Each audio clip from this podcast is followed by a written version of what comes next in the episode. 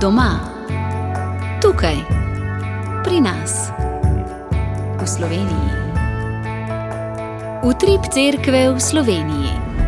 Lepo pozdravljeni. V današnji oddaji se bomo z daljšim prispevkom spomnili na duhovnika Salezijanca, pisatelja in profesorja Jožeta Zadravca, ki je svojo življenjsko pot sklenil 22. aprila, pokopan pa je bil 26. aprila na žalah v Ljubljani.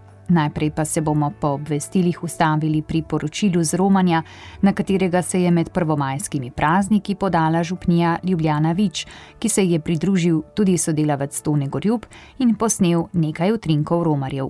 Vabljeni k poslušanju. Radijska oznanila. Pozdravljeni, dobro jutro, zdaj pa se, spoštovani poslušalci, zazrimo v radijska oznanila. Svetniki v tem tednu. Jutri godujeta Bonifaci IV. papež in Viktor Zmago Milanski mučenec. V torek pa Homi mlajši puščavnik, Beat švicarski puščavnik in Adalgar Škov. V sredo Job svetopisemski mož, Gordijan mučenec, in Tersatska Mati Božja. V četrtek so na svetniškem koledarju zapisana imena Estela Zvezdana Učenka, Alojzi Rabata Redovnik in Mamer Škov. V petek godujejo Leopold Mandič Redovnik, Pankraci Mučenec in Nerej in Ahilej Mučenca. V soboto Fatimska Mati Božja, Servaci Mučenec in Onezim Škov. Ter v nedeljo Bonifacij mučenec, Justina mučenka, Halvard mučenec. Prihodnja nedelja bo šesta velikonočna. V današnjem gospodovem dnevu. Danes popovdan bodo na Zasavski Sveti Gori obhajali romarsko nedeljo. Ob 15. uri bo molitvena ura, ob 16. pa bo sveta Maša. Danes popovdan bo na zaplazu Gorozdetov molitveni shod. Ob 15.30 bo molitvena ura in ob 16. uri sveta Maša. Sreda. V sredo bo v Ljubljani v Uršulinski cerkvi Svete Trojice ob 19.30 zadnji koncert letošnje sezone sakralnega Bonmaja. Nastopil bo mešani pevski zbor Crescendo. Na programu bodo zborovska sakralna dela različnih obdobij in dežel, od Galusovih motetov in psalmov Feliksa Mendelsona preko molitev sodobnih skladateljev do uglezbitev marijinih pesmi slovenskih in tujih skladateljev. Četrtek. V četrtek bo na Brezijah v dvorani nad Zakristijo ob 17. uri izobraževalni večer za sodelavce župnijskih Karitas. Spregovorila bo sestra Emanuela Žerdin z naslovom Minljivost me uči živeti, palijativna oskrba umirajočih. V četrtek bo v svetišču kraljice Miru na Kureščku molitev za svetost življenja. Ob 17. bo molitvena ura in ob 18. uri sveta Maša, ki jo bo daroval monsignor Miro Šlibar. Petek. V petek, ki bo drugi v mesecu, bo na Brezijah v baziliki Marije Pomagaj ob 18.30 rožni venec in ob 19. uri sveta Maša za bolnike z rakom in njihove svojce. Po maši bo blagoslov z relikvijami svetega Leopolda Mandiča, ki je zavetnik bolnikov z rakom. V petek bo v Mariborski stolnici ob 19. uri sveta Maša ob obletnici smrti škofa Maksimiljana Držečnika. Maševal bo načkofa Lojzi Cvikl. Sobota. V soboto bo v Mariboru pohod za življenje. Začetek bo ob 9.30 na Grajskem trgu. Nedelja. Prihodnjo nedeljo bo v Lescah ob 15. srečanje pritrkovalcev iz zgornje Gorenske pokrajine. Prihodnjo nedeljo bo v župniji Planina pri Rakeku pri ruševinah podružne cerkve Svetega Duha na Hribu ob 16. uri sveta Maša ob 80-letnici požiga cerkve, maševal bo Načkov stres. Prihodnjo nedeljo bo v logu pri Vipavi ob 18. troštov oratori Blaženi Anton Martin Slomšek. Toliko v današnjih radijskih oznanilih, hvala za pozornost in lepo in blagoslovljeno nedeljo vsem. Vabljeni k poslušanju nadaljevanja oddaje Utrip Cerkve v Sloveniji.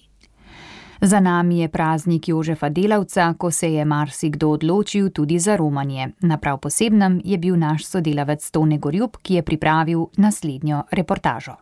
Prvomajske praznike so v župni Ljubljana Vič izkoristili za romanje na grob svetih treh kraljev Keln oziroma Kelmorajn, kot so pri nas poimenovali to božjo pot.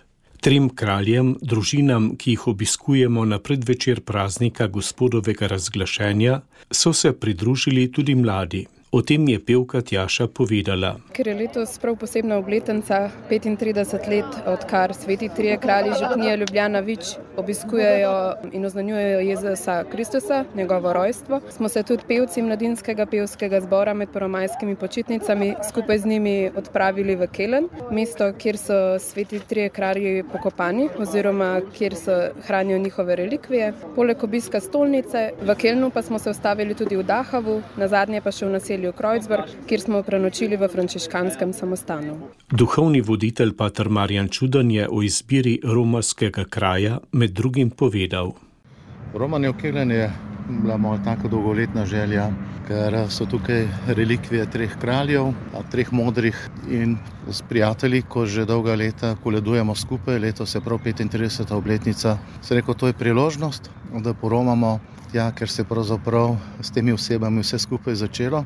In na to romanje smo potem povabili še tiste, ki jim prinesemo na tretji sveti večer blagoslov.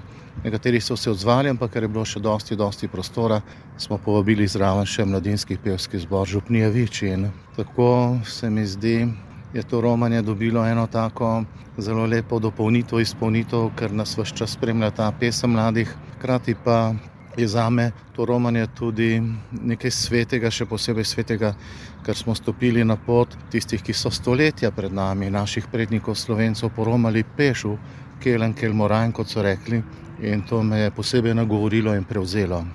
Srečanje z gospodom sredi pomladi, ne v času božiča, novoletnih praznikov. Kako gre to skupaj? Ta praznik gospodovega razglašenja ima tako močno noto, najprej seveda češčenja, potem da sledimo zvezdi, kar pomeni božjim dotikom v našem življenju preko svetega pisma, izrednih dogodkov. In za me je obisk treh modrih romatja ena potrditev vesolnosti cerkve, ena ta širina, da je Bog res za vse narode, za vse tukaj smo se zbrali, še posebej prestolnico sem gledal z vsega sveta, ko gledaš obraze vseh kontinentov, vseh barov smo bili tam, ampak eno, to je, to je Kristusovo sporočilo, njegova možnost tako močno združi, ne samo, da smo si domači, ampak še bolj, da smo bratje in sestre, da si res pripadamo in te vezi, tukaj sem to tako pač doživel, se mi zdijo močnejše kot kar na vezi, to smo dihali, smo skupaj. Še dve zanimivi postaji tega našega romanja, ki na prvi pogled sploh ne sodita zraven, pa vendar, Dachau in pa Kreuzberg. Ja, ker je to postalo tudi malo romanje za mlade, s tem mladinskim pevskim zborom Župnijevič, se mi je otrnilo misel, zakaj jih ne bi peljali v Dachau, ta neizmeren kraj trpljenja, pa Kreuzberg na Frankovsko sveto goro, tudi 500 let staro romarsko pot v Nemčiji, kjer častijo Sveti križ da jim pokažemo, kako se ne sme človek nikoli spustiti tako daleč, da bi drugega prizadel, kaj šele, da bi mu počel take grozote, kot smo videli v Dahovu.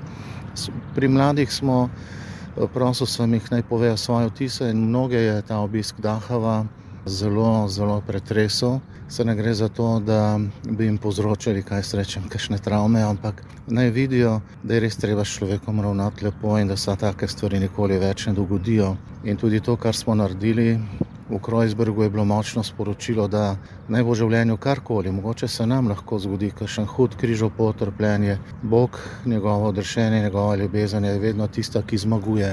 To je bilo močno sporočilo, še posebej v Kreuzbergu, ko smo imeli sveto mašo. Tako je Romanje predstavil provincial frančiškanov Pater Marjan, ki na tretji sveti večer spremlja kralje Romana, Tejca in Toneta od družine do družine in jih blagoslavlja.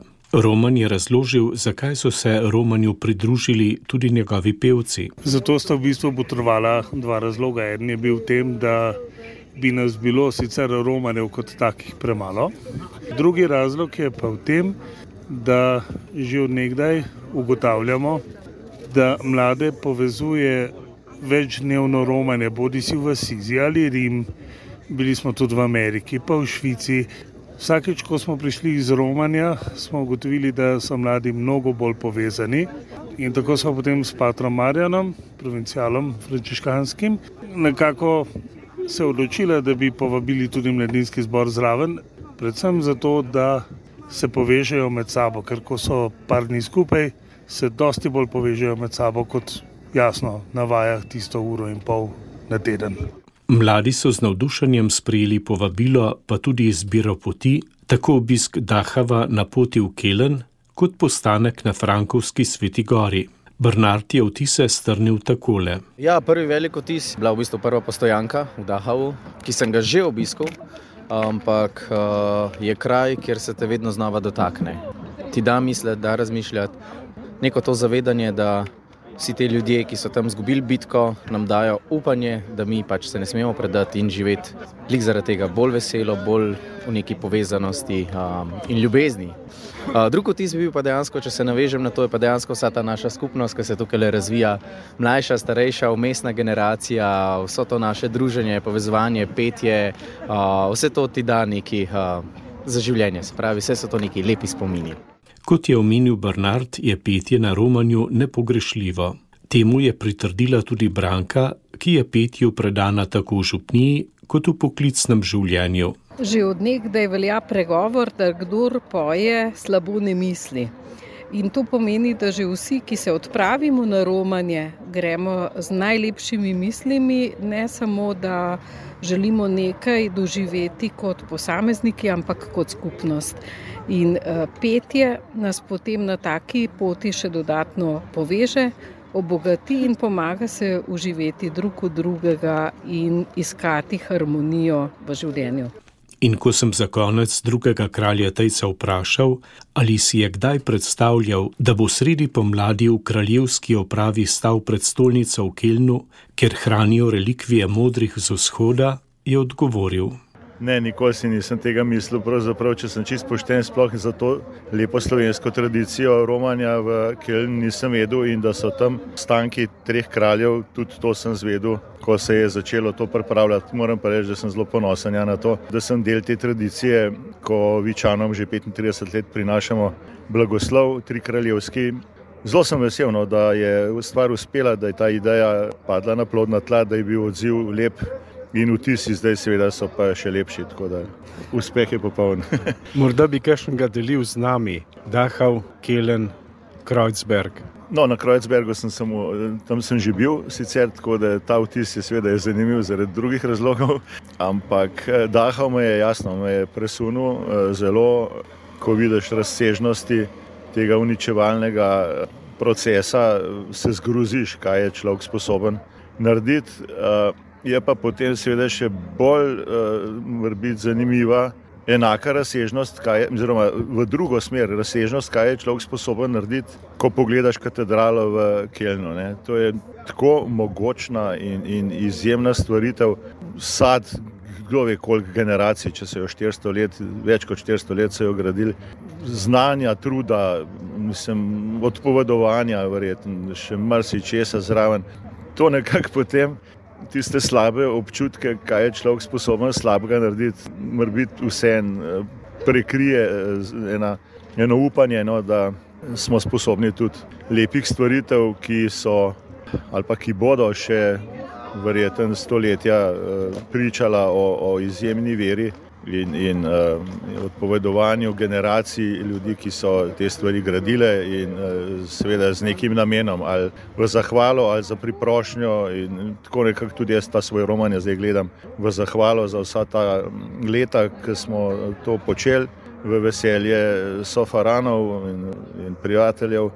Pa tudi, seveda, mi je zelo ljubo, da so z nami pevci mladinskega viškega zbora in da so pošteno priznali, da je mrzkašen tudi od njih za te stvari pravzaprav sploh ni vedel in da je zdaj prvič videl, kako ta blagoslov, kot ga mi recimo, prinašamo, zgleda. In mu je bila stvar zelo všeč, in seveda tudi malo nekaj naredijo tudi te naše eh, slovesne obleke, s katerimi smo se potem predstavili tam pred crkvijo in poželjeli nekaj zanimanja, seveda tudi turistov in mimoidočih, kar je nekaj normalnega. Poročilo o romanju na grob svetih treh kraljev v Kelen sem pripravil tretji kralj Tone Spremljate oddajo Utrip Cerkve v Sloveniji.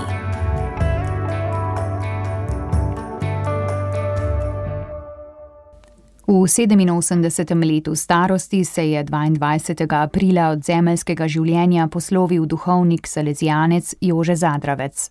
Rojen v odrancih, peti od devetih otrok, je bil profesor Zadravec velik ljubitelj književnosti, pisatelj, novinar, dolgoletni sodelavec družine in je poučeval tudi slovenščino na srednji verski šoli, na to v gimnaziji Želimlje, odkudar se ga tudi sama spominjam kot nekdanja dijakinja. Na njegovem zadnjem slovesu pri evharističnem bogoslužju na žalah se je salezijanski inšpektor Marko Košnik v pridigi sobrata takole spominjal. Gospod Jože, kot duhovnik in redovnik, svoje vere ni živel klasično kot po kopitu. Motril je skozi življenje, motril je skozi, živ, skozi številne zgodbe življenja, preučeval v izpovedih pisateljev in pesnikov, potem pa jo je poglabljal v božji besedi. Na stotine citatov bi našli, pa naj citiram njegovo Confessio Generalis na zlati maši v Drancih. Zakaj verujem? Zakaj sem katoličan? Zakaj sem duhovnik? To troje me je zaposlovalo. Prečesal sem mnogo besedil, ki so jih zapisali imenitni ljudje, umetniki besede, zvokov in likov. Kakor čebelica sem zbiral med Božje ljubezni, ki so jo zaznali ti bogoiskatelji. Moja vera sloni na osebi Jezusa Kristusa, ki je alfa in omega življenja vsega človeštva in vsakega posameznika, vsega vidnega in nevidnega stvarstva. Vsi opevajo, nekje smo doma, najbolj doma, nekoč bom v družbi nebeški. Klicali smo ga profesor Jože, kar 35 let svojega življenja posvetil vzgoji in izobraževanju salezijanskih kandidatov in mladih sobratov v Želimlem od 68 do 91. Kdo izmed nas, ki smo bili njegovi učenci, se ne spominja kakšne anedote od njegovih ur. Njegov prijatelj, magister Mirko Anžel, tudi profesor na tej šoli, je o njem zapisal, da je Jožen eden izmed redkih profesorov v Sloveniji, ki je za dijake poskrbel tako, da je napisal in izdal interne učbenike za vse leta, letnike gimnazije in vse učbenike, ki so vezani na maturo. Vsi smo vedeli, da ga vodi neizmerna predanost, želje po lepoti in pristni besedi. Čeprav je bil strok in dosti krat tudi malo muhast učitelj. Brali smo kot nori, še posebej cankarja, to da vedeli smo, da ceni vse, kar je v nas dobrega, pristnega, torej vse, kar smo prinesli seboj iz svojega okolja in svoje rodovine. Od rajnega duhovnika Jožeta Zadrovca so se v imenu sorodnikov in sester hčera Marije Pomočnice poslovili z govori sestra inšpektorica Mojca Šimenc, zdaj generalna tajnica Slovenske škofovske konference, v imenu prijateljev Tone Kuntner, v imenu pevcev na Rakovniku Marinka Bačer, v imenu založbe družina Manica Ferenc. Sestra Mojca Šimenc. Posojam svoj glas zahvale skupnostim hčera Marije Pomočnice, rodnima sestrama sestri Cilki in sestri Mileni in ob njima bratom in sestram pokojnika, nečakom in nečakinjam, ki čutijo, da je odšel brat in stric, ki je z njimi delil svoje duhovno bogatstvo, svoje blagoslove, svoje spodbude in za nje molil pred Marijo pomočnico. Kličejo mu, hvala ti Jože, Vemo, da nas boš blagoslavljal tudi sedaj. Vemo, da nam boš še naprej pisal sporočila v drugačnih oblikah, katerih tisk bo zaston, podobe in ovojnice pa bodo izbrane iz nebeškega scenarija. Bodi nam profesor tistega leposlovja, tiste besede, ki ostane na veke. In še, hvala vam, prijatelji, da ste bili z njim in da ste z nami v tem svetem trenutku. Manica Ferenc pa je povedala, da je profesor in urednik Jože Zadravec tudi še po 20 letih, odkar je odšel pokoj, ostajal tesno povezan s tednikom družina. Ko je lani maja tednik družina praznoval jubilej, smo Jožeta predstavili kot najbolj plodovitega pisca. Bera njegovih zapisov v arhivu družine je izjemna. Reportaž in poročil z dogodkov po Sloveniji in zamestvu je nad 6000. V obširnih intervjujih in portretih je predstavil več kot 500 sogovornikov. V ozadju vsakega zapisa me vodi sentire cum ecclesia, čutiti s cerkvijo, je večkrat dejal nam mlajšim novinarjem. K sodelovanju z družino ga je kot mladega salezijanca leta 1975 povabil tedajni urednik Ivan Merlak. Srečala sta se na sprehodu na Golovcu, Povabil ga je k sodelovanju in kmalo je kot urednik kulture postal nepogrešljiv del uredništva. Bival je v duhovniški salezijanski skupnosti na Rakovniku, a pisarna na uredništvu je bila njegov ustvarjalni dom. Mlajšim je vedno očetovsko naročal, da se mora časnikar za dober članek potruditi, žrtvovati. Večino intervjujev je naredil živo in vedno je želel, da ga sogovornik pred objavo prebere.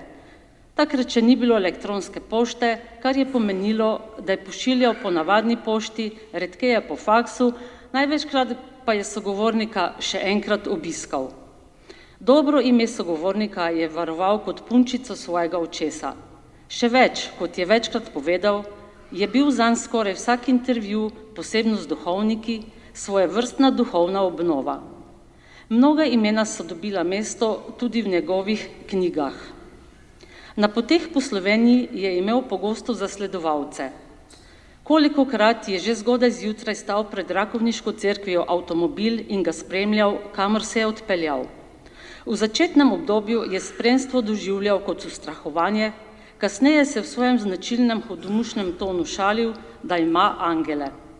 Poti so ga vodile tudi zunaj meja. Leta 1979 pa je bil edini slovenec vse do danes med novinarji na letalu skupaj s papežem Janezom Pavlom II. na njegovem pastoralnem obisku Polske. Nikoli ni prešteval delovnih ur, prostih vikendov in dopusta ni poznal. Tudi neutrujenosti od nenehnih voženj, poročanj z dogodkov, prečutih noči in pritiskov rokov.